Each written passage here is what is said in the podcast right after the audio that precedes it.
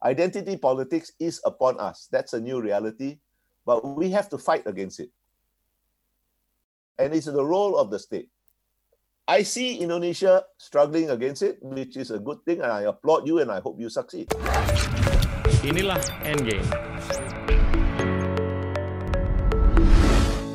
Halo teman-teman, selamat uh, pagi.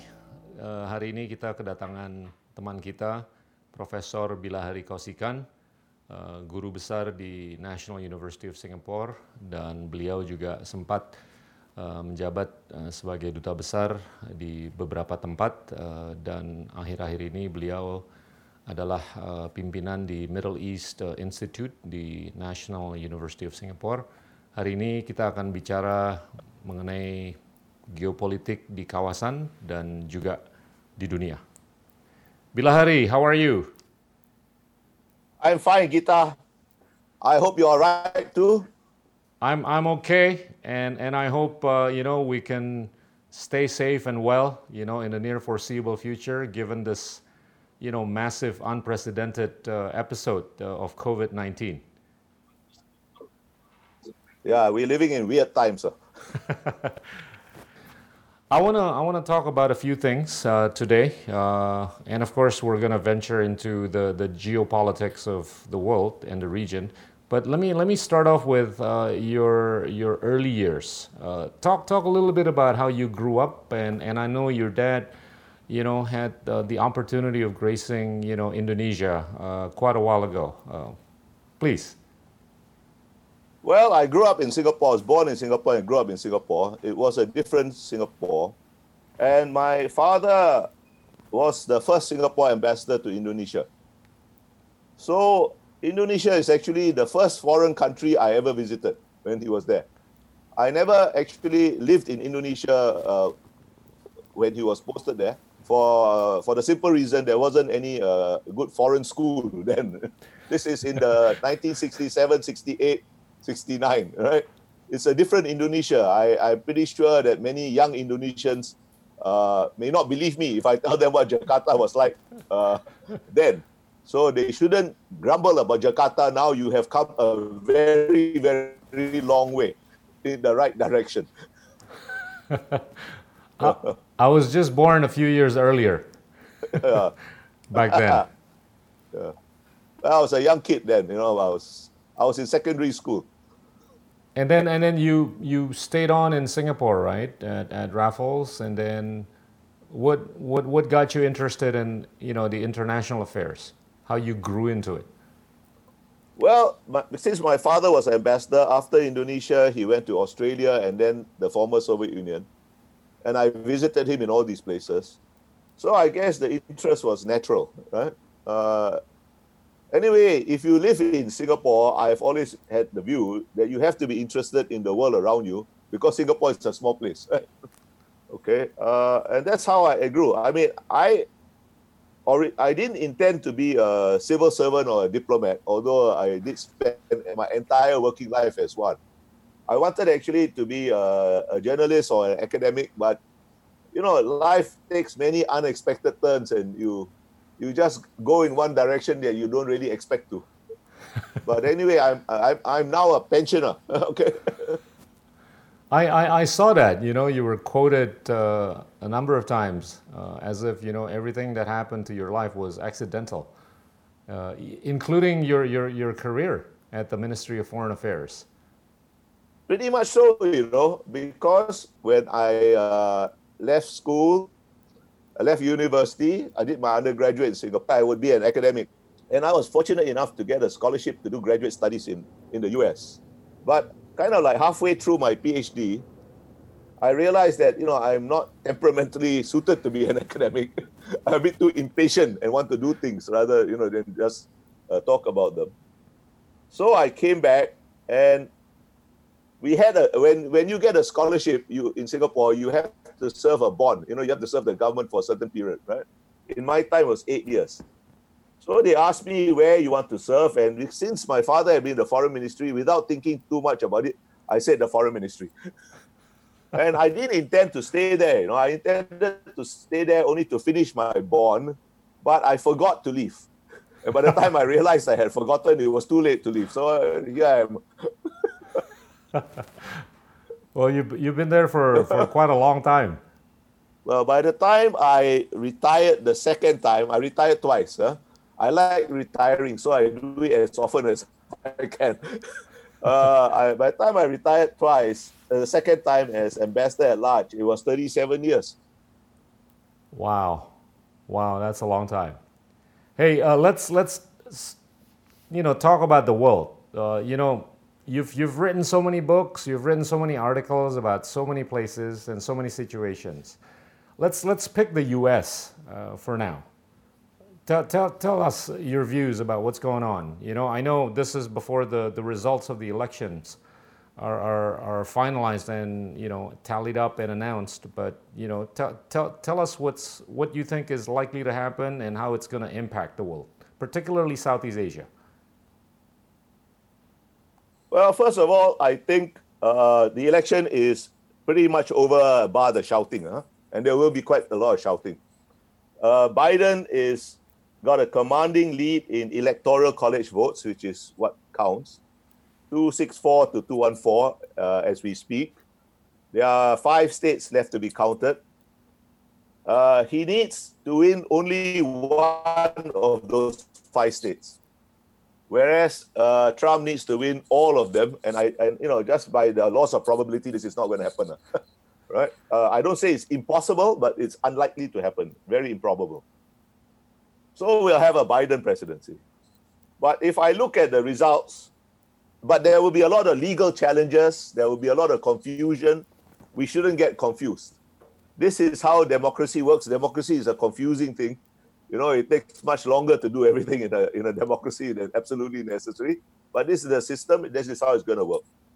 And by and large, I must say, uh, when I look at it, the system did work in America. It did work. Huh? Um, okay. So after a, a period of confusion, we're going to have a new president. But I think we shouldn't expect that uh, just because we have a new president, everything is going to change for the better. Not everything Mr. Trump did was bad. Not everything his predecessor did was good. And in fact, in life, very few things are wholly bad or wholly good. Huh?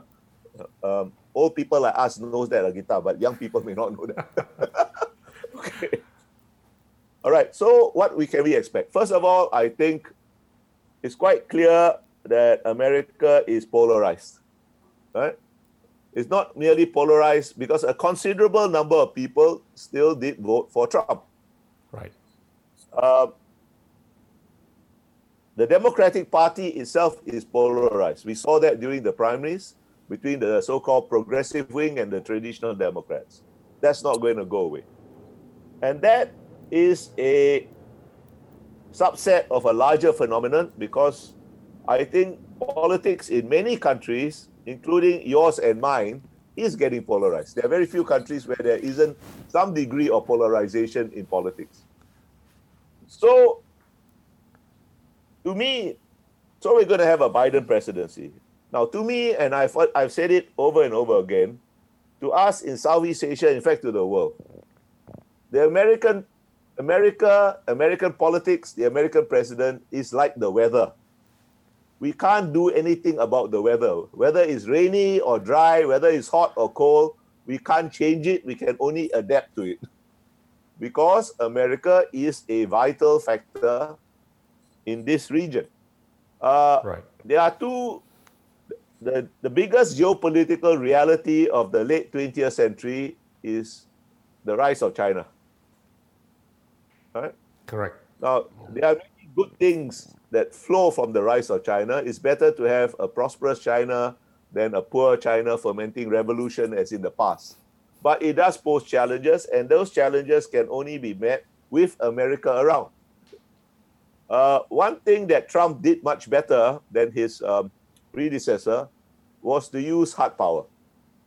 Now, I am a what would what would be called a realist in international relations. You need hard power. Soft power alone just doesn't cut it. You need both. Ideally, you need both, right? But if you have to choose between one or the other, choose hard power. because if you have hard power, soft power naturally follows at some point. but if you have soft power, it doesn't mean that hard power will follow, all right? Yeah. So we'll have to see what we have to see. But as I said, America is like the weather, we will have to adapt. There are certain big changes in global politics. I mentioned one politics, domestic politics, which is the foundation of international politics, is getting polarized in almost every country. Right. Uh, there is a certain disillusionment with globalization in many countries, uh, including yours and mine, although we may express it in different ways. and, and, and, and, and uh, uh uh, but I don't think globalization can be uh, reversed. I don't think regional America that Trump represents will be reversed either. Uh, wow. Uh, you look at it mm. this way. I look at it this way. For 40 years during the Cold War, America made a lot of sacrifices, took a lot of risks in order to maintain its vision of global order. Yeah. And then they got involved in all kinds of silly wars in the Middle East for a further 10, 20 years, almost 20 years now, right? Uh, 17 years to be precise. Uh, and Americans are tired. For them, it's time to focus on domestic issues. When Mr. Obama talked about change you can believe in, he wasn't thinking about change abroad. And American voters did not vote him in to bring about change abroad. They brought voted him to bring about change at home. In other words, to use yeah. Trump's slogan to put America first. And right. Biden will also face the same reality. It's, it's a fact. It's not that America is not going to get involved in the world. This idea of America in retreat is just simply not true, right? But it's going to be more transactional. The difference mm. with Trump and Biden is one of degree, not of kind. Uh, it's a new reality. We'll have to adapt. What? How do we adapt? I think we have already begun to adapt in the sense that uh, countries in our part of the world, right? East Asia, by which I mean Northeast Asia, Southeast Asia, we are doing more things together. We are not neglecting America, we are not neglecting China, but we are doing more things together. Well, Indonesia is not a member of it, but the TPP 11, yep. right? Yep. In which Japan took the lead is, is an example of that. Uh, some of the things that ASEAN is trying to do, not always very uh, coherently, but we are at least trying, is another example of that. Uh, we have two new realities. The new re- two new realities is a more assertive and perhaps sometimes aggressive China and a more transactional America. Wow. We have to interesting. We have we have to work with them, and the, the way we work with them is to work with each other much more. yeah. Hang on. Let me let's pause. Uh, going back to your earlier statement about the use of hard power, right? And yeah. and the fact that Trump probably would have tried to project more hard power. Now, assuming a Biden presidency, to what extent do you think that's likely to continue? The projection of, or at least the effort to try to project hard power? Or we can just automatically assume a swing in the other direction so that, you know, there's likely to be a lot more soft power projection from the US? Well, I think it's too early to tell, really, right? It's yeah. too early to tell. I can say this. Uh, the Obama presidency was very uncomfortable with using hard power. And I think uh, China misread this in particular, and uh, and there's a lot of consequences. A lot of the things, the new the new situation, the South China Sea, for example, is probably a result of. Now, whether he was I don't know the extent to which Mr. Biden was directly involved in those decisions during the Obama administration, those mistakes, I would say. But he will be held responsible for them anyway. Life is not. So people will be watching him very carefully. Whether you are a friend of America or whether you are a competitor of America, you will be watching him very carefully for any sign of weakness. That's a, a fact he has to live with. I think he knows it. Uh, second fact is that I don't think Biden will come to the White House with completely free hands. Right? As I said, uh, he inherits an America that is polarized, and he will have to take that into account. he will have to take the divisions in his own party into account.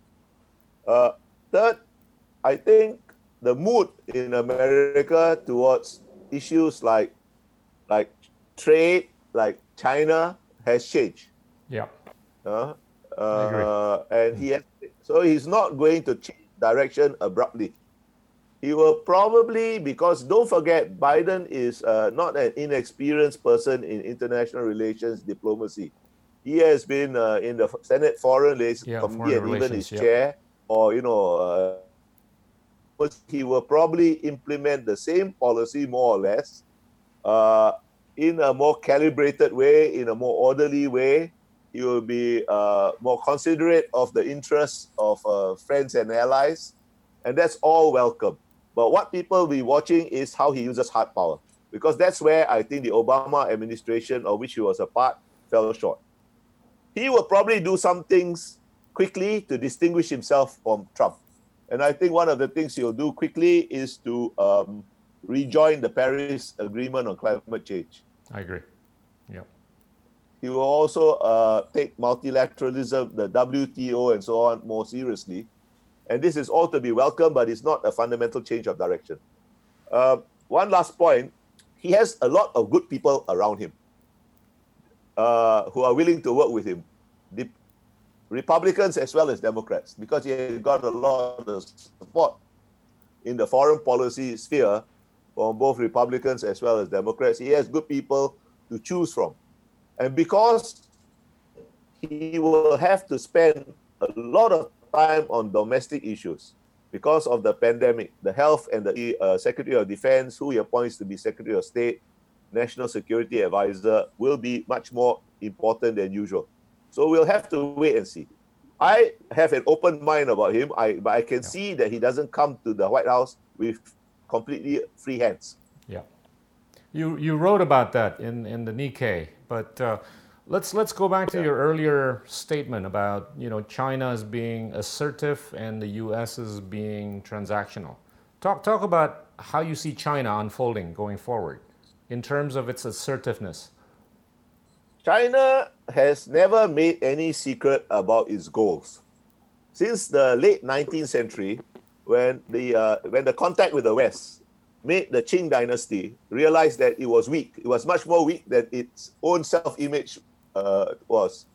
They have been in search of wealth and power to regain what they believe is their rightful place in the region and in the world right? And they have gone through a lot of trauma, a lot of political experiments in search of their wealth and power. And whatever we may think about it, we cannot deny the fact that the most successful of those experiments has been the post Maoist Communist Party after Deng Xiaoping opened up and reformed China's economy. So now Mr. Xi Jinping is reaping the benefit about that. But I think they have also miscalculated a bit. Right? We talk about Trump having a terrible foreign policy, and that's true. but we forget that China's foreign policy under Xi Jinping has been quite terrible too, you know. I cannot think of a a single major country, in fact, many minor countries, that does not have at least some concerns about China. All right? Uh, if there is a global anti-China coalition, it's not due to the efforts of Mr. Pompeo and so on.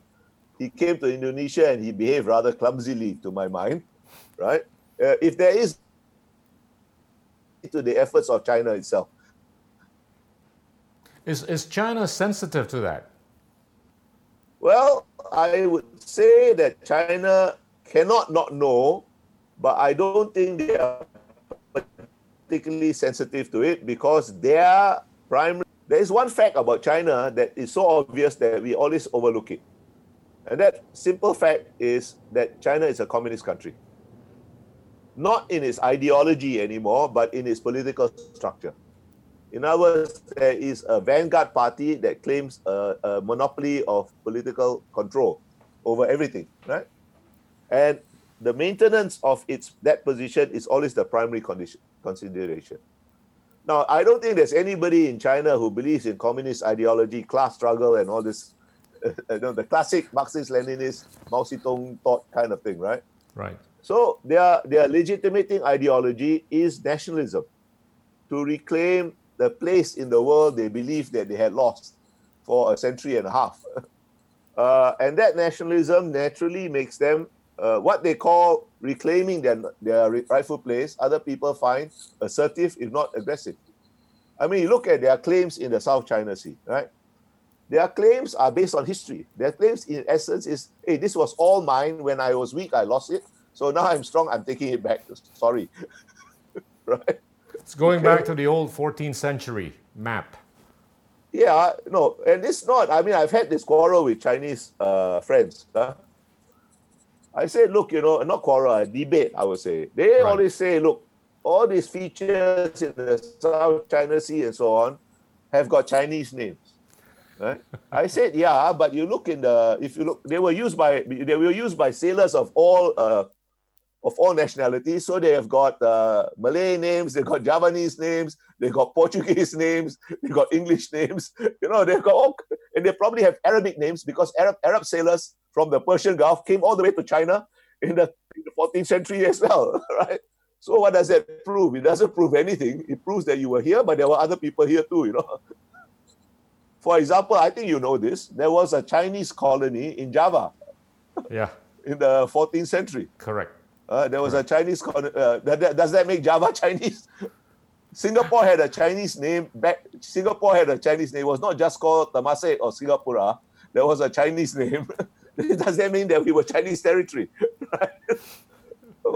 right? So, but it's all domestic politics. This is how I, I don't blame them, you know, I'm just pointing it out as a phenomenon it, because this is how they legitimate the rule, legitimize their rule. Right? But other people, it, it causes other people concerns. Look, if you are a big country, you are always going, whether you do anything or not, to cause a certain amount of anxiety for small countries around your, your periphery. And that's, by the way, true of uh, Indonesia. President right. Suharto's big achievement is to understand that. Sukarno didn't quite understand it. That's why you had confrontasi, you had all this. But Pak Suharto understood this. And that's why he decided to join ASEAN and work within ASEAN. Yeah. Right? Yeah. Right? And that's a it's a huge difference. Yeah. But and, China and, and hasn't was, quite he was always good yet. not to try to dominate. And, and he would he would also give space to the other countries in Southeast Asia. No, he understood. And, and that, he that understood. For, he, yeah. No, you know, he, it was, it, that's why ASEAN worked. Correct. Whereas earlier kinds of regional organization didn't work. Correct. And and Indonesia, I think, still understands you don't have to be overtly assertive. Yeah. You are there, you are so big, people will will have to accommodate you in some way anyway. Right? It's, it's very obvious, because right? If, nothing yeah. can get Yeah, it's obvious. But and it's obvious too of China. They don't have to, you know, go around thumping the table because no is, okay i said everybody there's no country in the world big or small that doesn't have certain concerns about china. But there's no country in the world that wants to have a bad relationship with china either. But you know I, I'm, I'm just thinking you know within within logic china should be able to recalibrate right? I mean if they're sensitive to how they're being perceived whether or not it's mainly driven by domestic politics, uh, but but I, I do sense, you know, intuitively that they're likely to recalibrate for the benefit of everyone on the planet. Okay, I, they have recalibrated, but it's tactical adjustment. I tell you why. It is quite clear that towards the end of Hu Jintao's period, and it's become uh, much more intense under Mr. Xi Jinping, they have abandoned the Deng Xiaoping policy of hiding your capabilities and biding your time. Right? Because they, they, they, have, uh, they have showed their capabilities and they are in a hurry. And in fact, Mr. Xi Jinping has set certain timetables in his speeches. So they will have to work harder, much harder. And because it is a communist party, if there is a conflict between recalibration and the party's interest, the party's interest will always dominate. They have recalibrated. They have toned down, for example, the wolf warrior diplomacy. They have yeah. stopped uh, boasting so loudly about uh, their capabilities. But people don't forget. because you can only you can't reverse a policy of hiding your, your capabilities and biding your time once you have abandoned it. Right? This is a one-way street. But right. I must say, in, in, fairness, in fairness, just one thought, this Gita. I think everybody has the same attitude towards the US too. Yeah. The, the US and China are both too big to be ignored. They're both vital parts of the strategic equation. They are vital parts of the economic equation, but nobody particularly trusts them either. right. Right. That's why we have to work more together. Okay, I, a number of you know questions are popping out of my head, but the, the, the, look going back again to how China you think is likely to be more assertive, and how China's recalibrating will still be underpinned by you know its own domestic politics and the U.S.'s being transactional going forward. How will this impact Southeast Asia, right? And and and I, I can just see the the decoupling between the U.S. and China intensifying. No matter what Biden or whoever wins is likely to continue doing in the U.S. and what Xi Jinping is likely to continue doing, how, how, how do you foresee all these? Okay, I I think first of all, uh, decoupling is real, but we shouldn't exaggerate it either, because uh, right now there's been decoupling in certain sectors, technology, even within the broad technology sector, uh, certain subsectors, right? If you look at the figures, you look at the investment figures, there hasn't been that much uh, decoupling. Uh, sometimes this new period of relations between um, US and China has been called a new Cold War. I mean, quite often, right? I actually don't think that's an appropriate metaphor. If you look at the uh, relations between the former Soviet Union and the US, they were really connected only very marginally with each other. Their main common interest is to avoid mutual, mutual destruction in terms of uh, other kinds of relationships, it was only very marginal. Trade, investment, all that, only very marginal. But you look at the US and China, they are both central, irreplaceable part of the global economy. And they are linked by a web of supply chains of a scope, of a density, of an intricacy that has never before uh, existed in the world economy. There have been supply chains in the past, but they were supply chains of products. You know the the the the uh, classic Ricardian theory of comparative advantage, right? You make beef, I make wine. Yeah, right. You exchange your beef for my wine. I when we both live happily ever after, drunk and full, right? But those are products. Products. You look at the supply chains nowadays. They are they are not just intermediate goods. They are intermediate, intermediate, intermediate goods. Right? I agree and they I are agree. so intricate they never exist. And it's not so easy to decouple or disentangle that kind of thing. Some has occurred already, some more will occur. But I can't see them completely separating. Yeah. It doesn't mean that they won't compete. It doesn't mean there won't be tension. It, but it is a different kind of competition and tension. That's why you have things like techno nationalism, competition using technology as a strategic weapon, and so on.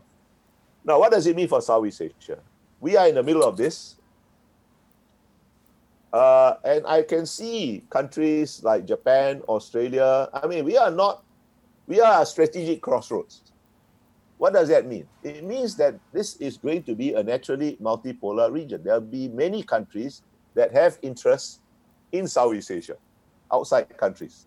You have Japan, it's not going to disappear. You got Australia, it's not going to disappear. You got India, it's got problems now, but it's still a big country and it's not going to disappear. Indonesia is not a small country, and you are right here. You can't disappear, even if you wanted to. right?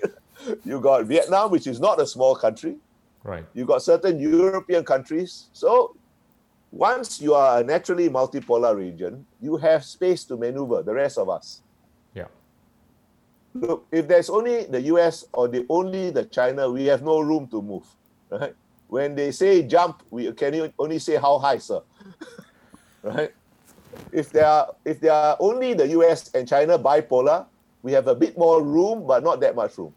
But this is naturally multipolar. We've got quite a lot of room, provided two conditions. One, we don't panic. We have been here before. The old cold is a lot more dangerous than, than the current state of US-China tension. But we survived that. Second, we must stay united. We, we now, I mean ASEAN. We may say cohesive. It's not going to be 100% perfectly cohesive. That's, you know, perfection is only to be found in heaven, not on earth.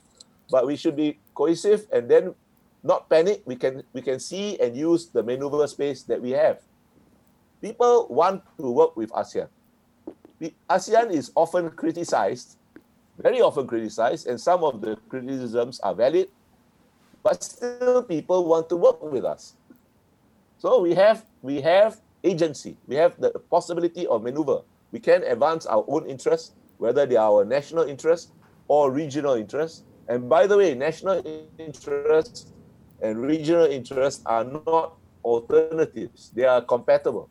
Yeah. There used to be an Indonesian saying about ASEAN, which I somehow has not been used for a long time. You know, national resilience increases regional resilience, and regional resilience increases national resilience. That's a very wise saying, Suharto period, and we Yep. should revive it. Yep, I still Remember believe it. that. Correct. Yeah, I still believe it. That's the basis of how ASEAN works. But look, I mean, the the the analogy is sort of like you know we've got this multipolarity, and it's like a bunch of people that are watching a movie, right, in a movie theater, right? And the movie could be a comedy, it could be a horror movie, it could be an action movie, and and as soon as somebody shouts fire, right, there's panic. You talked about this panic thing, right? But what, what, what would it take for, for everybody to panic? Because, you know, I think there's been a number of countries or people that are actually kind of like shouting fire in that movie theater. But, but everybody's not running to the escape or exit door, right? So that, that to me actually gives optimism about, you know, how we could actually continue to multipolarize despite all these aberrations that we've been seeing in the last few years, right? So there is this inertia of peace and stability, at least in an ASEAN context. So doesn't that speak positively for the future of ASEAN, despite whatever we're Yeah, likely I'm- to I'm see not, uh, I'm in not- China and the US, I'm or not between the two? I'm not pessimistic. I'm not at all pessimistic, actually. I'm realistic, but not pessimistic. First of all, we are not just passively watching the movie.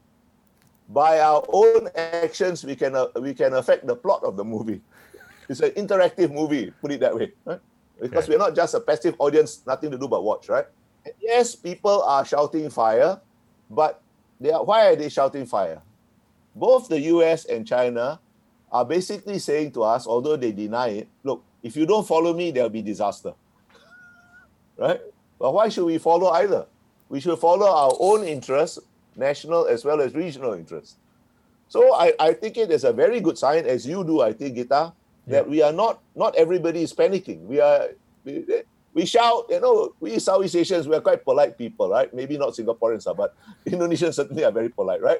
You tell us things, you shout at us, we listen politely, but we make up our own minds. and that's important. Up our minds for us, but just because they are shouting from different corners of the theater. When people shout fire, first thing you must do is look around and see whether there's any smoke or not, Right. or uh, whether there's really fire or not, right? Because they may just want to panic you.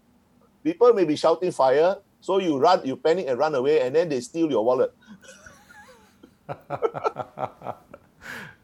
Okay, okay. So let, let, let me ask you more specifically. Uh, you know, ASEAN has been voicing this need for, you know, adhering to the code of conduct, right? Yeah. To, to, to what extent do you think that will hold true in, in the future? And, and to what extent do you think all parties will be respectful of of the need for a code of conduct. I'm talking about the South China Sea. Yeah. I know, I know. I don't think I don't think the code of conduct on the South China Sea is going to amount to very much. Okay. Right? It is a process for us to engage China, right? And that's not uh, completely useless, but we shouldn't expect too much about it, right? And we shouldn't let it be a constraint on our own actions. What is absolutely vital to us is not just the code of conduct, but that the South China Sea disputes are handled within a framework of rules. And the rules exist. It's called UNCLOS. Right? Now, UNCLOS is not like a, a magic wand, you wave it and everything will be solved. But at least it keeps things fairly orderly and reasonably peaceful. It's not the law of the jungle where might is right. right. So we should insist on that. But we shouldn't sort of uh, hope for everything on, uh, put all our hopes on a code of conduct because that's not a very frail uh, foundation. And more than that, I think look at look at it's not going back to those in the 90s, in the 70s, 80s, 90s, where Indonesia, where Singapore, where all of Southeast Asia grew and prospered. It's going to be more complicated. That is a, is a fact. Uh, we have to work clo- more closely together in ASEAN, and that's not going to be easy because ASEAN is an interstate organization. It's not a supranational organization. That means the base, the base of ASEAN's cooperation is all our domestic politics, right? You can't have a regional consensus unless you have a domestic consensus on anything. And the fact of the matter is, all our domestic politics has become more complicated. Uh, it's not impossible to get domestic consensus, but it's going to take longer. It's going to take more uh, work by the by our political leaders.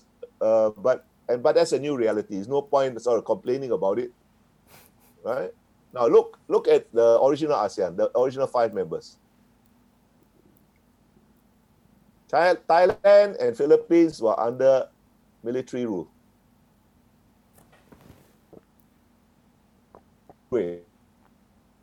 Singapore and Malaysia were formerly parliamentary democracies, but really one-party systems with very strong leaders, right? That is why ASEAN in its early days was able to hold together and form. Now, I'm not saying that we should go back to that kind of authoritarian rule because it's uh, clearly not possible and even uh, and undesirable for many reasons, right? Right. So we have a new reality. And now we have 10 members instead of five. It's going to take longer to have consensus. But all of us must never forget that however complicated our domestic politics is, however, what, in whatever direction our domestic politics takes the definition of national interest, some part of our national interest must have the regional interest in mind. Yeah. Right? And therefore, then we can work together. Let me let me ask you. I mean, some member countries of ASEAN, they have a a multi-party system, right? Where there is evidently fragmentation of the political landscape. That that to me makes it a little bit more difficult to think long term, right? Because you're you're shackled by the cycles of five years or four years of political yeah. episodes, right? And, and, and a way that I think dilutes the ability to basically think regionally as opposed to, as you suggested, I think you'd be a lot more predisposed to domestic politics or domestic political interest. The, that, that to me makes it a little bit more well, difficult. Well, that's, that's a new reality uh, is the case in Philippines, is a case in Indonesia, is a case in Thailand, is even the case in Singapore, right? Yeah. All right. But I don't think it is. It makes it impossible to think long term, provided mm. you have a very basic consensus on what you want for your country, that that strides that goes across the political spectrum. I, I, I if you don't mind me, let me use Indonesia as an example, right? Uh, Indonesia is not just a place. Indonesia is an idea. right? Because it's so big. I mean, how many? 17,000 islands, and every day you find some new ones, right? okay. We lose ones right? too so every day. the idea of, yeah, you lose some, but you find several also, right? So, you know, the idea of Indonesia has always been a contested one from the beginning, from 1945. Mm. It has been contested along two main axes. One, is it going to be a secular nationalist idea of Indonesia, or is it going to be a more Islamist idea of Indonesia? The second, uh, the second uh, sort of axis, is it going to be a unitary idea of Indonesia, or is it going to be some looser idea of Indonesia? Right? Now, I think there is well nigh a, a consensus across the political spectrum. It should be some form of unitary Indonesia. Right? I, I think the people that are looking for a United States of Indonesia and so on, there was that idea, as you remember, long ago, right? Yeah. Uh, uh, that that has gone away. I don't think it will come back, right? But you look at you look at the thing. There, where are there separationist movements, serious ones in Indonesia anymore? A bit in Papua, that's all. Previously, Sumatra have within Sumatra you have Aceh, you have all over the place. So I think that that that part of the debate over the idea of Indonesia has been settled. However, the debate between a secular nationalist idea and a more uh, religiously um, oriented idea is not over. That debate was uh, suppressed by the first two Indonesian presidents, Sukarno and Suharto, right. but is now a, a, a very major issue in Indonesian politics. You can't wish that away, but you are also having another debate about in Islam Nusantara, right? And that's a very important thing. So I don't, I don't give up. I mean, Indonesia is a huge country, right? I mean, look, you know, I mean, you got what is it now? 260 million people, 17,000 yeah. islands. It's very, uh, two seven, uh, right? 270,000 uh, million, million people, people yeah. right? Mm-hmm. And very diverse peoples, right? very diverse peoples. The consensus like that is not a joke, you know, right? You know better than me. Well, I think you are you are doing something very important here because you are you are trying to. There is this idea in Indonesia of uh, Islam Nusantara, right? Which is, I think, a very important idea because how Islam is conceived of in Southeast Asia has changed considerably over the last 30, 40 years under the influence of uh, other strains of Islam from, from uh, uh, the Middle East, right? particularly Saudi Arabia and the Gulf.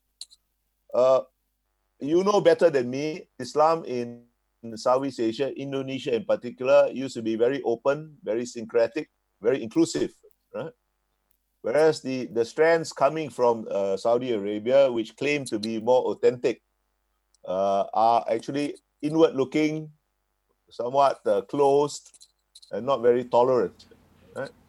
But I am very happy to see that Indonesia is trying to uh, revive or to insist whole region. Now, it's not going to get easy to get a consensus about whether it's going to be uh, a nationalist secular Indonesia or uh, Islamist Indonesia. It's not going to be easy to get consensus. But the fact you got consensus on a unitary state gives me, uh, certainly shows that consensus is possible, even in a large, complicated country like Indonesia. And the idea of Indonesian Nusantara, to me, is a blending of a, a nationalist idea as well as a religious idea. right? So it's not binary choices.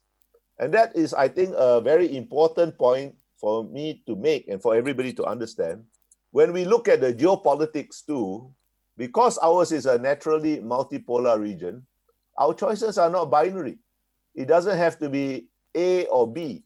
It doesn't have to be China or US. To me, the choices before us are never binary the idea in Indonesia Nusantara is an idea that is both nationalist and religious. I mean, sorry, Islam Nusantara is an idea that is both nationalist and uh, religious. And that is a broader lesson. When we look at the geopolitics, it's not just US or China. We have our own interests. We have a multipolar region. We have the space to pursue our own interests. I think you understand this, Gita. I understand it. People who are interested in international relations understand this. But we need to get our own people to understand this better.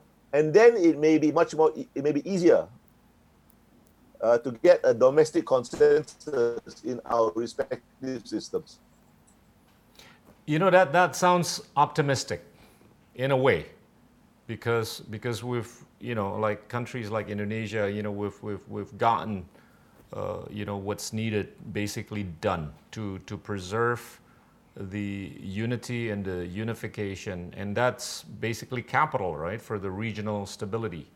Uh, then let's let's let's go back to how you think ASEAN should basically behave going forward. Uh, fast forward to 2045, 25 years from today. Where, where do you see ASEAN in terms of its dealing with the rest of the world, be it China, be it the US, and, and putting that in the context of the South China Sea? You, you mentioned that the, the code of conduct is, is nice, but I think it should be done differently. Uh, you referred to the UNCLOS. Uh, how, how, how do you see or foresee ASEAN? I see that a balance of power is the necessary foundation for the implementation of any kind of rules-based order, whether it is based on UNCLOS or uh, a code of conduct or some combination. Right? That is the foundation. That foundation, I think, will get a bit more diverse. Right now, it is very largely the Seventh Fleet, but I think increasingly the Japanese Navy, the Australian Navy, the Indian Navy, and the ASEAN navies working together uh, will play a role. Uh, I don't. I'm not pessimistic about the South China Sea. I tell you why. As long as there's a balance of power, it is basically strategically a stalemate. Nobody can force or coerce any claimant state to give up its claims. China is not going to reverse its claims, but coerce others to give up their claims. And as long as there's a balance of power, we can all use the South China Sea uh, as a right. Okay. All right. Let's let's switch a little bit here to uh, you know the Middle East. This is a topic yeah. that's very close to you. You've been running the Middle East Institute at the National University of Singapore. And, and, and how, do you, how do you see you know, things developing in the Middle East and how that would impact the world, particularly Southeast Asia? First of all, there is not one Middle East, there's at least three Middle Easts. right? There is the Gulf region, there, uh, there's a Gulf region, there is the Levant, the, the northern thing, and then there is North Africa. Right? And the dynamics there are actually very different. If you look at the northern tier of the Middle East, that means everything from Turkey down Iran, uh, Iraq, Lebanon, Syria, Africa, but that's I put it in one category. You have first of all the fact, the hard fact is a bunch of failed states. You have Syria, it's a failed state. You have Iraq, it's a failed state. You have Lebanon, it, it's now failed. It was uh, doing very well, it's failed. You have Turkey and, and Iran that because of mismanagement are not in danger of failing, but they are really underperforming drastically. I don't think either Iran or, or Turkey will fail, in, but, but so they will hold together as states but they are really drastically underperforming. Egypt too, for a different reason. So the only really viable state down there is uh, Israel, and it's got its own dysfunctionality, by the way. I, I I go to Israel often, and I have a lot of friends there, but I don't idealize it because they have a lot of political dysfunctionality, as you can see if you if you follow it. Then you have the Gulf. Now the Gulf is undergoing a very, very interesting experiment. Hmm. They are trying to wean themselves from economies that are basically dependent on one commodity, energy, whether it's oil or gas, and diversify their economies and put it on a much more sustainable basis for the long term. Because fossil fuel, the secular trend is down. The price secular trend is down. There may be spikes and so on, but the secular trend is down and for a whole variety of reasons. So they are trying to diversify their economies. Countries like uh, UAE and Qatar have done it fairly successfully. Oman uh, also fairly successfully. Right. Kuwait trying, Bahrain trying, not very successfully Bahrain. But the key is Saudi Arabia. The key is Saudi Arabia. It's the key in many ways because you can't transform your economy without transforming your society. The two things go hand in hand. Some aspects of the uh, Saudi experiment under Muhammad bin Salman uh, have been very good. I was in Saudi Arabia last September, uh, and I had not been there for a number of years, and I was very uh, impressed by some things I saw. I saw, for example, women no longer having to cover their heads. It's their choice. And of course, their family has something to say about it, but there were, I wouldn't say a lot of them, but you know, an appreciable number. You can, you, it's visible when you walk around. I saw, even more important than not covering your head, I saw women working in serious jobs. I mean, not just serving tea or something like that, you know. Right. But in serious job. I, I went I, I, I went to a number of institutions there and there were women working and I met them and you know they're they're smart. They do they do things.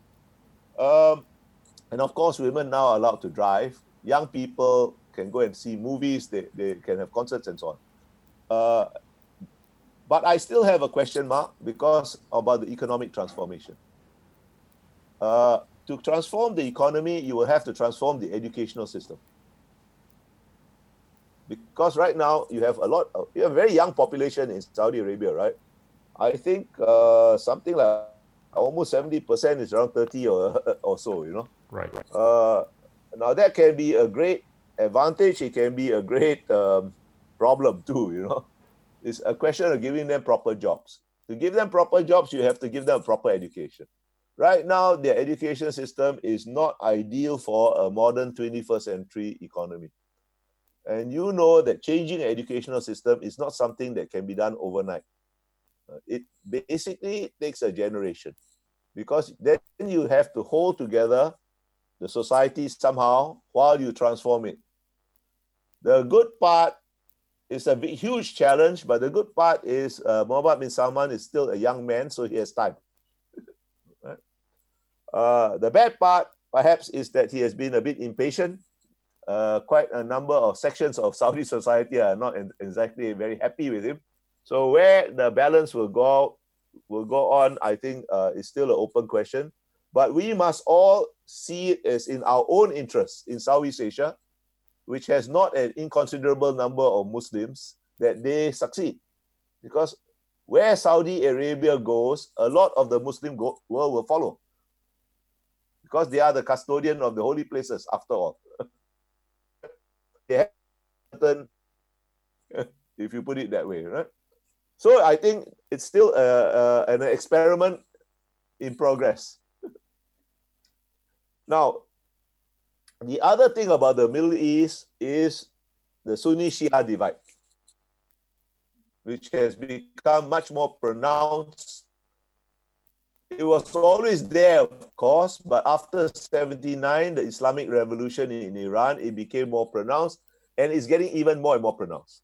I think the very important thing for us in, in Southeast Asia to understand is that this Sunni Shia divide, of course, there is a religious element. There's always a religious element in the in the Middle East but it is fundamentally a geopolitical issue. It is a contest for regional dominance between Iran and Saudi Arabia.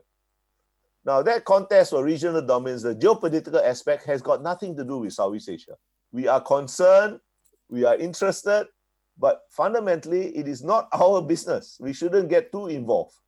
And I unfortunately see something of this sectarian, sectarian conflict between Sunni and Shia are being imported into Southeast Asia, mainly for political reasons. Look, how many Shia are there in Southeast Asia? A minuscule number. And for most of the time, even in my lifetime, I didn't see any Sunni Shia conflict. People live together quite peacefully. right? And we should go back to that. We should, and we can go back to that if we understand that it that the religion, the religious aspect is only basically a cover for a geopolitical contest that has nothing to do with us. Now, the other part of this is the so-called Abraham Accord. Of course, Israel and, and the Gulf states in particular have had their own unofficial relationship for a very long time. But now to Gulf states, in terms of, okay, because of the, the geopolitical conflict between Saudi Arabia, the Gulf in general, and uh, Iran, the Gulf has reached, the Gulf and Israel have reached a new accommodation. You know, the UAE has normalized relations, Bahrain has normalized relations. Saudi has always had unofficial relations, and I wouldn't be too surprised if they normalize uh, pretty soon. Uh, there have always been unofficial relations with Oman, with with, uh, with with Qatar, and so on, right? Correct. And I think that's a good thing because Israel, as a very advanced and creative economy, has a lot to offer the Gulf in their own effort to transform their own economies. And it's good they are working together instead of squabbling, right? But that leaves the Palestinian issue. The Palestinian issue is a very complex one. It cannot be completely brushed aside. But I think we'll have to be very, um, let me be very brutally frank. I think the key to the key to uh, resolving the, the the Palestinian issue is the domestic politics of three entities, I would say. One state and two entities the domestic politics of Israel, the domestic politics of the West Bank, centered around Fatah, and the domestic politics of the Gaza, centered around Hamas. I came to the very sad conclusion quite some time ago that the right wing in Israel, the leadership of Fatah, and the leadership of Hamas have one common interest. The common interest is not to have a solution. Because if there is a solution, they will be they will lose relevance almost immediately. Their interest, very cynical interest, is to keep some kind of low level conflict going on, or low le- uh, uh, or at least prevent a solution, because then they, they remain relevant. Now, I don't think it is impossible to have some kind of accommodation between the Palestinians and the Israelis, right? Uh, but it's a question of leadership. Leadership of the Israeli right, leadership of Fatah, leadership of Hamas. Um, if you go to Israel often, if you go to a place like Haifa, which is uh, there's a very large Arab population, and you know they're Israeli Arabs, but they are essentially the same people as the Palestinian Arabs. I can tell you that if you go to a University of Haifa, right, except for some most of the women covering their hair, you can't tell the difference. They look you the can't same. tell the difference. Yeah. yeah. They are the same people. They're all Semitic people. That's true. So the the, poli- the the conflict is a manufactured one for political gain, just as the importation of Sunni Shia sectarian conflict into Southeast Asia, where it never existed before, is a political move which should be resisted. Now let me ask you, the, the, the fact that we've seen in recent times normalizations between Israel and a number of you know Gulf countries, does that bode well for, you know, countries like Indonesia and others in Southeast Asia for purposes of a couple of things. Number one, hopefully mitigating the risks of a sectarian conflict. And, and number two, you know, I've, I've always looked at countries like Israel as a place for technological innovations, right? If, if there's one thing that Southeast Asia could actually learn from Israel, that would be it right? And and and I think normalization, in in a way, could be viewed as being good. How how do you foresee the future in Southeast Asia? I think I, I think normalization is a very good thing, and I think countries in uh, Southeast Asia with Muslim majority populations, basically Indonesia and Malaysia, right? Of course, you will have to make your own calculations, right? But I think it gives you a new bearing a new reference point. And you are absolutely right, Gita. I mean, I think Israeli technology, Israeli uh, entrepreneurship, Israeli creativity has a lot to offer Southeast Asia. Uh, countries like Vietnam uh, have, are already benefiting from it.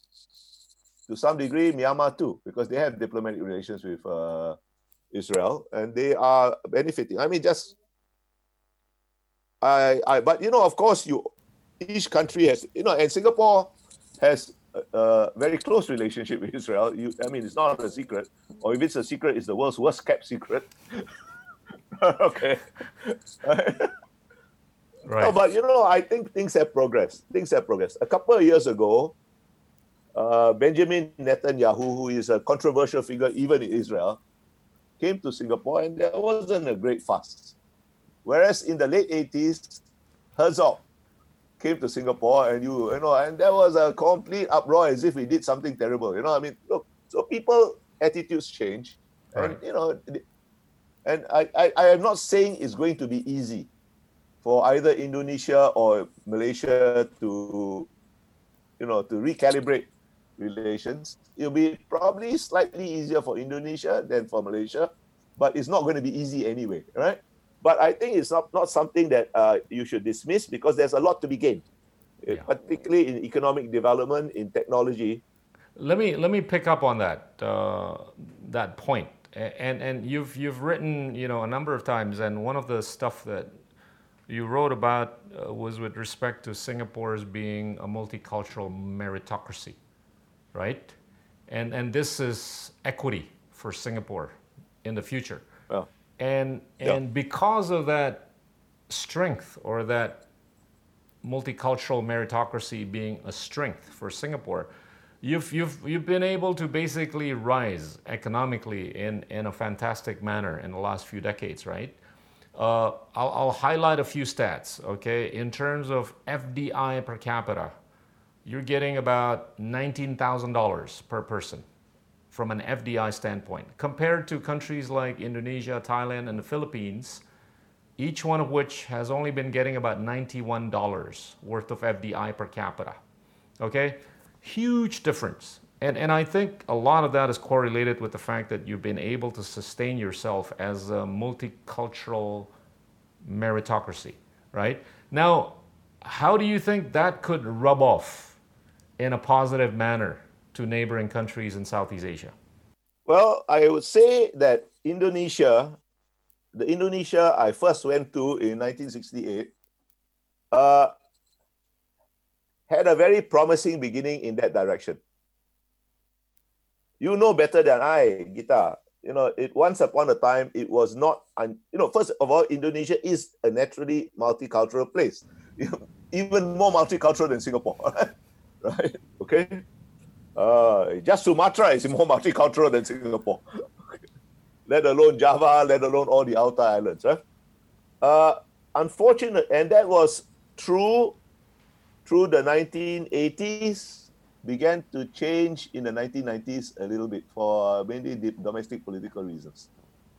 Uh, it was not unusual, you know better than me, for an Indonesian family to have Buddhist, to have uh, Christians uh, and Muslims in the same family, right? I think it's still there, but now it's not so um, not so uh, how shall we say um, public, right? But I see Indonesia pushing back against this trend. This mm. is a trend I've called I have called in, in, be my own country as well, uh, by the way. Uh, uh, what I call the Arabization of Islam in Southeast Asia or the Wahhabization of Islam in Southeast Asia. Look, when I was uh, growing up in Singapore, I mean, it's always been Muslims in Singapore. It's 15, 16% of our population.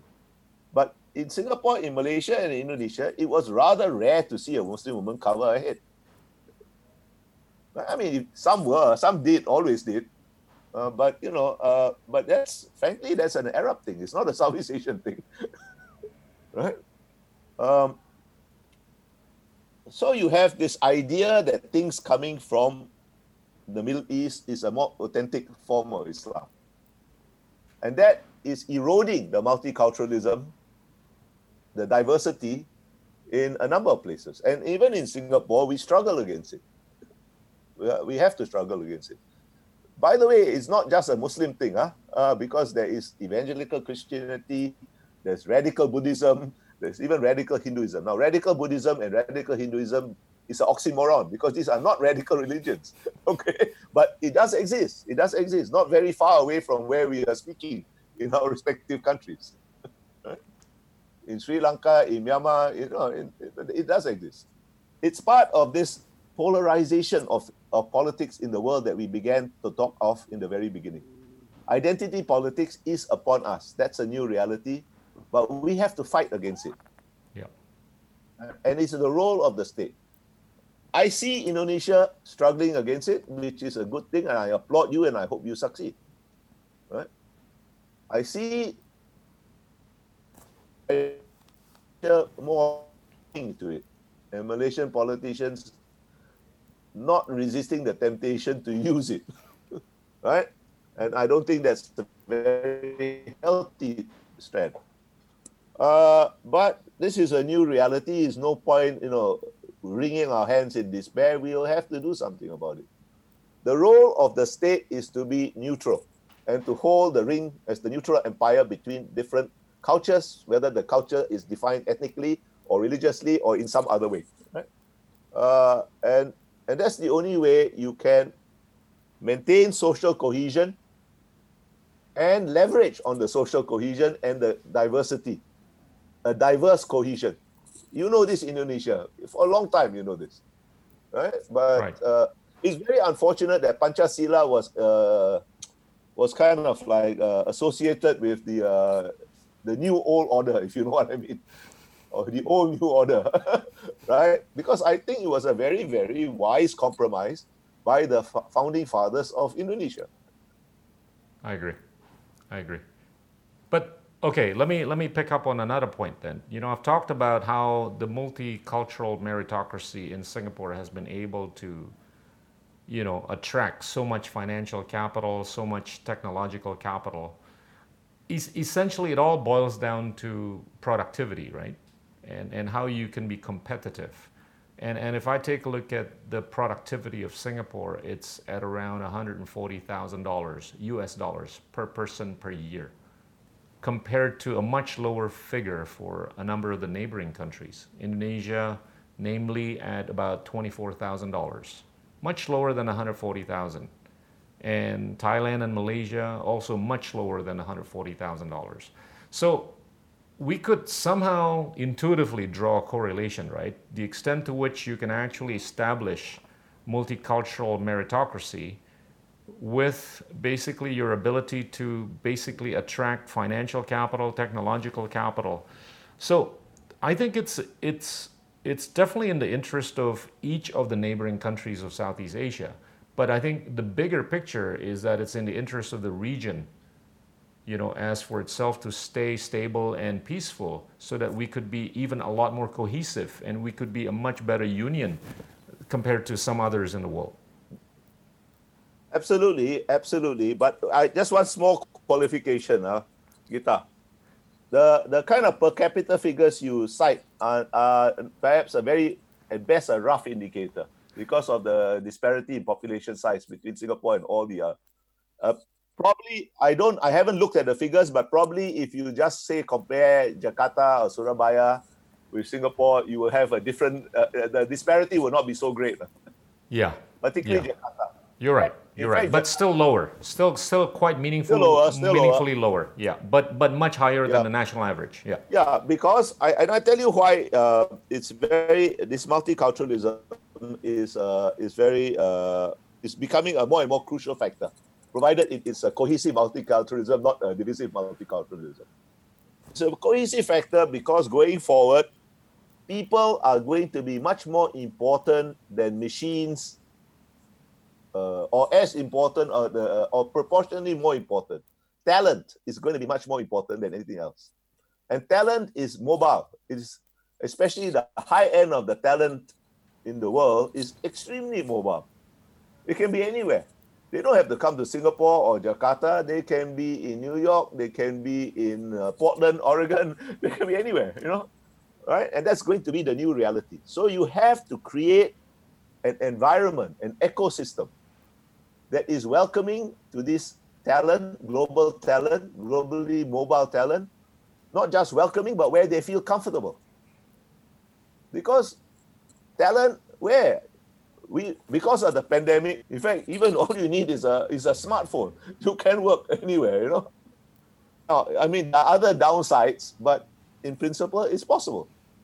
So talent is very mobile. You have to make sure that we have, perhaps not in the whole country, if it's a huge country, but there are pockets where multicultural, globally mobile talent will feel comfortable and want to anchor itself there. The kind of new things which is going to be um, is it, which is going to be uh, the economy of the future are digital. Of course, you will still see, need some manufacturing, but that can be done by robots and so on. You know, I mean, more and more of manufacturing is going to be done by robots. More and more services, including legal services, including some medical services, are going to be done not by human beings. So, the, but it doesn't mean the human factor is unimportant. In fact, the human factor becomes even more important and even more competitive. And that's where the, the, the future competition is going to lie, I think we started, I told you I did, I was in the foreign ministry 37 years. Last year, I gave a commencement at, uh, address to, um, to NUS, the Faculty of Arts and Social Sciences. I'm not sure all the professors were very happy with me, but I basically told the kids, look, I had I did basically one thing for 37 years. Right? I did it in different places around the world, but I basically I only did one thing. None of you is going to have the same career. It's impossible. Therefore, what you studied and you grad and you graduated in, and I congratulate you for it, is irrelevant. Or it will soon be irrelevant. I don't think the professors were too happy, but that's the fact. Because what you start with is not what you're going to do in your life. You know, I told yeah. my own daughter that, right? Yeah. And that's again talent, talent, mobile talent. How do you attract it? How do you keep it happy? How do you anchor it? Yeah. All right. Let me let me let me push on with with ASEAN then. Uh, since we all care so much about ASEAN, uh, in in recent times, you know, if I meet up with friends of mine in Singapore, Malaysia, Thailand, and all the rest, they they, they seem to be questioning, right, uh, about the status of ASEAN right? And also the leadership uh, of ASEAN, right? Do you have any views about that? Yeah, I think, look, I think the, um, a lot of the criticism about ASEAN is actually tantamount to criticizing a cow for being an imperfect horse. you know, there are some things ASEAN can do, and there are some things we can't do. So okay. if you're going to criticize a cow, criticize it because its milk is not enough, the quality of its meat is not good enough. You know what cows are for, right? Don't criticize a cow because it can't run as fast as a horse. You know that's pointless. You know because no matter what you do to a cow, it, it will never run as fast as a horse. now, what does ASEAN? What can ASEAN do? ASEAN manages relations among its members pretty well. If you remember what, uh, you can't remember because you were just born, I believe. Uh, if you remember what Singapore or what, what Southeast Asia was like in 1967, right? We were in a mess. Yep. A complete mess. Right? Yep. And I mean, I mean, there were war in the on the mainland. There was war. Indonesia had just stopped fighting an undeclared war between Singapore and uh, Malaysia. There were all kinds of problems between Malaysia and Thailand and Indonesia and Southern Philippines. You know, it, was a bloody mess. Right. right. Look at it now. We are not it's, perfect. We it's are not miraculous. perfect, but we have managed. Yeah. No, it's uh, it's not miraculous. It's a lot of hard work, and the and acceptance of the idea that the regional interest must be some part of your national interest. Now, going forward, it's going to be more difficult. That's true because it's harder to get consensus among 10 than among five. That's for sure. It's harder to get consensus in pluralistic systems, as we were talking about, than in more authoritarian systems, but not impossible.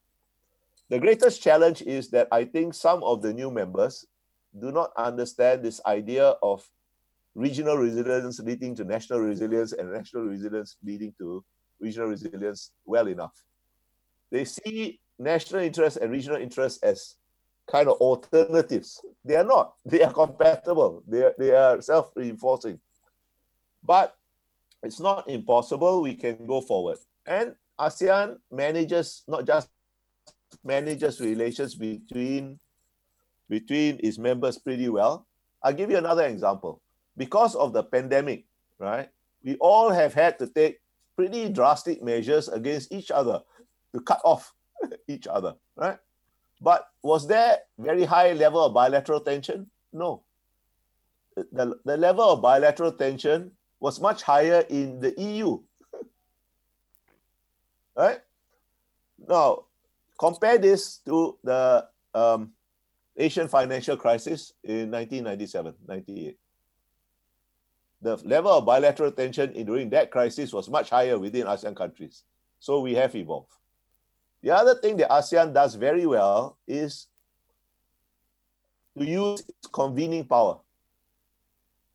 I, I made the statement a while ago that Southeast Asia is a naturally multipolar region, and that's a good thing. Well, the purpose of forums created by ASEAN, like the East Asia Summit, the ASEAN Defense Ministers Plus meetings, the ASEAN Regional Forum, is to encourage the natural multipolarity. And they use those anchors. I don't say it's the most important anchor because they're most important. But they do use them. They may criticize ASEAN, but they still come to the meetings. So we are doing something right. It's not all wrong. Where we are probably uh, we can do better, we have to try to speed up the economic projects of ASEAN.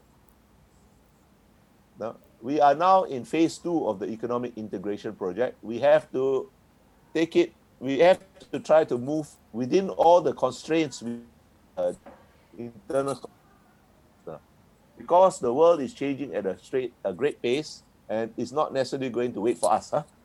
look I'll give you one example one of the uh, goals of the phase two of the asean economic community project is to create a common production platform in southeast asia a common production platform implies a certain conception of supply chains. But the conception of supply chains is changing even as we speak. As I said earlier, I don't think there can be complete decoupling between the US and China or anybody for that matter. But because of robotics, because of artificial intelligence, the the cost advantage of widely distributed supply chains is being eroded. Yeah. Some industries can actually be brought home. So where does that leave us if we are too uh, if we are too leisurely in our approach to creating a common production platform, right? We need and to do that we need to make individually as well as collectively, nationally as well as regionally, ourselves an attractive business ecosystem so that businesses will come. Right? I think uh, Pak Jokowi Indonesia understands that. That's the whole point of the uh, omnibus labor bill that was passed. Yeah. Possibly it was not explained well enough, a lot of controversy, but you have pushed ahead. That's the right. Yeah. No, we've we've we've we've got to make ourselves a welcoming place for visitors and for investments and for anything that's economically enhancing, right? I, I, I agree with you. Uh, uh, as much as so many people have been arguing or rooting for this deglobalization of the supply chain from China onto other places, including Southeast Asia, I, I don't think it's straightforward. I don't think it's simplistic on the basis that you have mentioned earlier because of the intertwining of the US economy and the China economy. But also at the same time, uh, you know, Southeast Asia has got to get its act together in terms of, you know, cohesively, collectively making itself a welcoming place for money. And, and that, I think, you know, some countries in Southeast Asia have got their work cut out still. And, and omnibus, I think, is a good thing. Uh, it's, it's a step in the right direction. It, it probably was not socialized uh, as well as it should have, but, but I do believe that in, in the long run, it is going to be welcoming of, you know, uh, smart capital uh, for, for Indonesia. No, definitely is the right thing to do, right? And uh, it took some, uh, as you said, it could have been perhaps socialized or explained a bit better, but anyway, it was the right thing to do. Yeah. We have to make ourselves attractive. Nobody owes us a living, right? We have to create welcoming ecosystems uh, so that if uh, if a particular business is thinking of relocating, they will think of us. They don't have to think of us, you know. It's yeah. not that you know uh, it's an automatic process, right? All right. Let me let me uh, ask you uh, a futuristic question. Where where do you envision yeah. ASEAN in 2045? Well, I mean, uh, the, some, some, some, some of the cheerleaders have been saying that, you know, ASEAN's economy will be the fourth largest in the world by then. Uh, that's assuming linearity, right, with respect to a number of things. Uh, other than that, or do you believe in that? And do you believe in other things that will coincide with that? I don't believe in elite. I don't believe in automatic linear projections. Uh, uh, this is not how the world works. But I don't believe it is an impossible dream, provided we work at it. We do all the things we have been talking about, and we don't stop doing them we don't get complacent, we don't start resting on our laurels. Of course, I am assuming there's no huge catastrophe, right? No war, for example, no uh, huge environmental catastrophe. Uh, and, and one of the things we have to do is environment. You, are a businessman, Gita, you know better than me. Green capital is going to be an important thing in the future, more and more important thing, right? So we will have to show that we are adapting to that too. yeah. Right? Um, so I don't think it's an automatic linear projection from where we are now. That is not really how anything works. But it's not impossible provided we work at it, we know how, we know what to do, and we do it. We find the political will and the energy to do it. And me, keep let, on doing it. Let me ask you this. Using that that thinking and what you alluded to earlier, will ASEAN be still a cow in 2045, but it'll be a prettier cow, a stronger cow? Or, assuming that there could be non-linearity, it may metamorphosize into a horse by I 2045? I certainly think or at least I certainly hope, because I said we have to work about it, right? wishing of it doesn't, it will be a better horse. I mean, a better cow. We will produce better beef, we'll produce more milk, creamier milk, uh, greater, uh, greater good stuff for all of us. Whether we will metamorphosize into a horse is another matter. I am not so sure we will, and I'm not sure it's a good thing if we do. Because I, I put it this way nationalism is a fact of life. A lot of liberals in Asia as well in the West think of nationalism as a bad thing. I don't. I think of nationalism as a good thing because it's a very powerful motivating force to make countries, people try harder, work harder. And nationalisms can be made compatible one of the functions of ASEAN is to make nationalisms compatible so they are not can be more competitive. Now, I take the metaphor of becoming a horse, meaning becoming a supranational organization. I don't think that's necessarily a desirable thing because it's against a basic human instinct for identity and national identity. Look at Europe. Europe worked fine, Europe worked very well until it overreached itself where they thought that they could overcome nationalism instead of harnessing nationalism. Essential difference between the EU and ASEAN. The EU is like the Soviet Union with human rights because the Soviet Union tried to say we can create a new human being. who is not Ukrainian, who is not Russian, who is not Kazakh, who is not Belarusian. Uh, he's just the new Soviet man. That was a that was a delusion. Overnight, the new Soviet man became Kazakhs, became Russians, became you know Tajiks, became everybody, right? And the EU is finding out the hard way that everybody is still French, German, Spanish, Italian, Polish, Hungarian, and so on, right? We never made that mistake in ASEAN, and we shouldn't make that mistake. We are Indonesian, foreign, we are Malaysian, we are Thai, we are Filipino. That's the way to go. Make a better cow.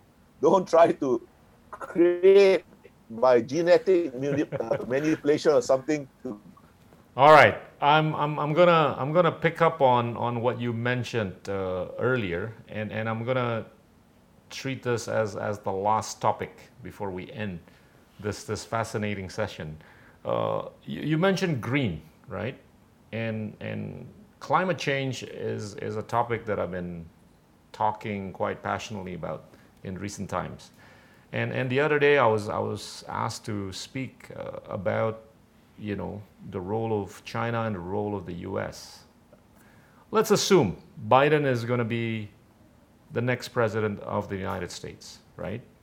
Uh, you know, intuitively, you would you would think that you know the U.S. is going to be more, you know, inclined towards a more environmentally friendly type of posture, including reverting back to the climate accord in Paris, uh, and at the same time, China, I think, has been very, very proactive in embracing, you know, uh, what it would take for the planet to stay, you know, environmentally clean. Uh, you know, by way of their, you know, mandating electrification of automotives, mandating, you know, the decrease of the use of fossil fuel, uh, you know, mandating the decrease of the use of coal generating power generating capabilities and all that. I, I actually think that if China continues on its path with respect to the climate change uh, proposition, uh, I think we might see a very different China, you know, more positively from the climate standpoint. And if, if Biden were to actually embark on a, on a policy posture that's going to basically trigger more and more conversations that would basically preserve the planet. I think that's going to be net good for the world, don't you think? Of course, it's going to be net good, but it's all this is easier said than done. Yeah? You know that, okay. Look at China has said it's going to be carbon neutral by um, 2060, right? And that's a very important symbolic statement, a statement of intent. But if you look at uh, the hard facts, huh, it's still, and in fact, it's increasing its reliance on coal. It's not that they are being hypocritical, they are being perfectly logical because they have to grow. And that's the easiest way. And to have to grow, you need energy, right? Uh, ditto for America. Uh, I think Biden will change course. The one thing he will do very different very quickly is on uh, environment, climate change, go back to Paris and so on. But these are very important symbolic acts to change. Look, we are all, all of us, huh, without any exception, we are all part of a fossil fuel civilization. What we need to do is to change to create a new civilization that is not based on fossil fuel or less reliant on fossil fuel. We know we need to do it. How to do it is a different matter. There is a there is a fundamental political problem in doing it. I, I, and I tell you what it is. It's not unrelated to what we were talking about earlier, right? When you deal with the environment, you are talking of dealing with a problem over the very long term. It's a problem where you have to pay the cost up front and you reap the benefit 50, 100 years down the road for any electoral system, this is not a very attractive proposition. But we have no choice because it is an existential issue for all of us. We started talking about this but as a means of attracting investment, and that's important. But that's the short-term issue. In the long term, it's a it's a life and death issue. Look, um, Singapore is a small place, with a low-lying place. We are fortunate because we have the resources. We can build uh, dikes. We can, you know, we have already changed a lot of building standards and so on, right? But Jakarta is built on a delta. I guess you are old enough to remember Jakarta full of canals. Jakarta still has canals, not as much as you used to have because they're sure. built up. That means if if there's sea level, you're in trouble. Sea level rise, you're in trouble. Ditto Bangkok. Ditto Hanoi. so it is a, it's a long-term existential issue.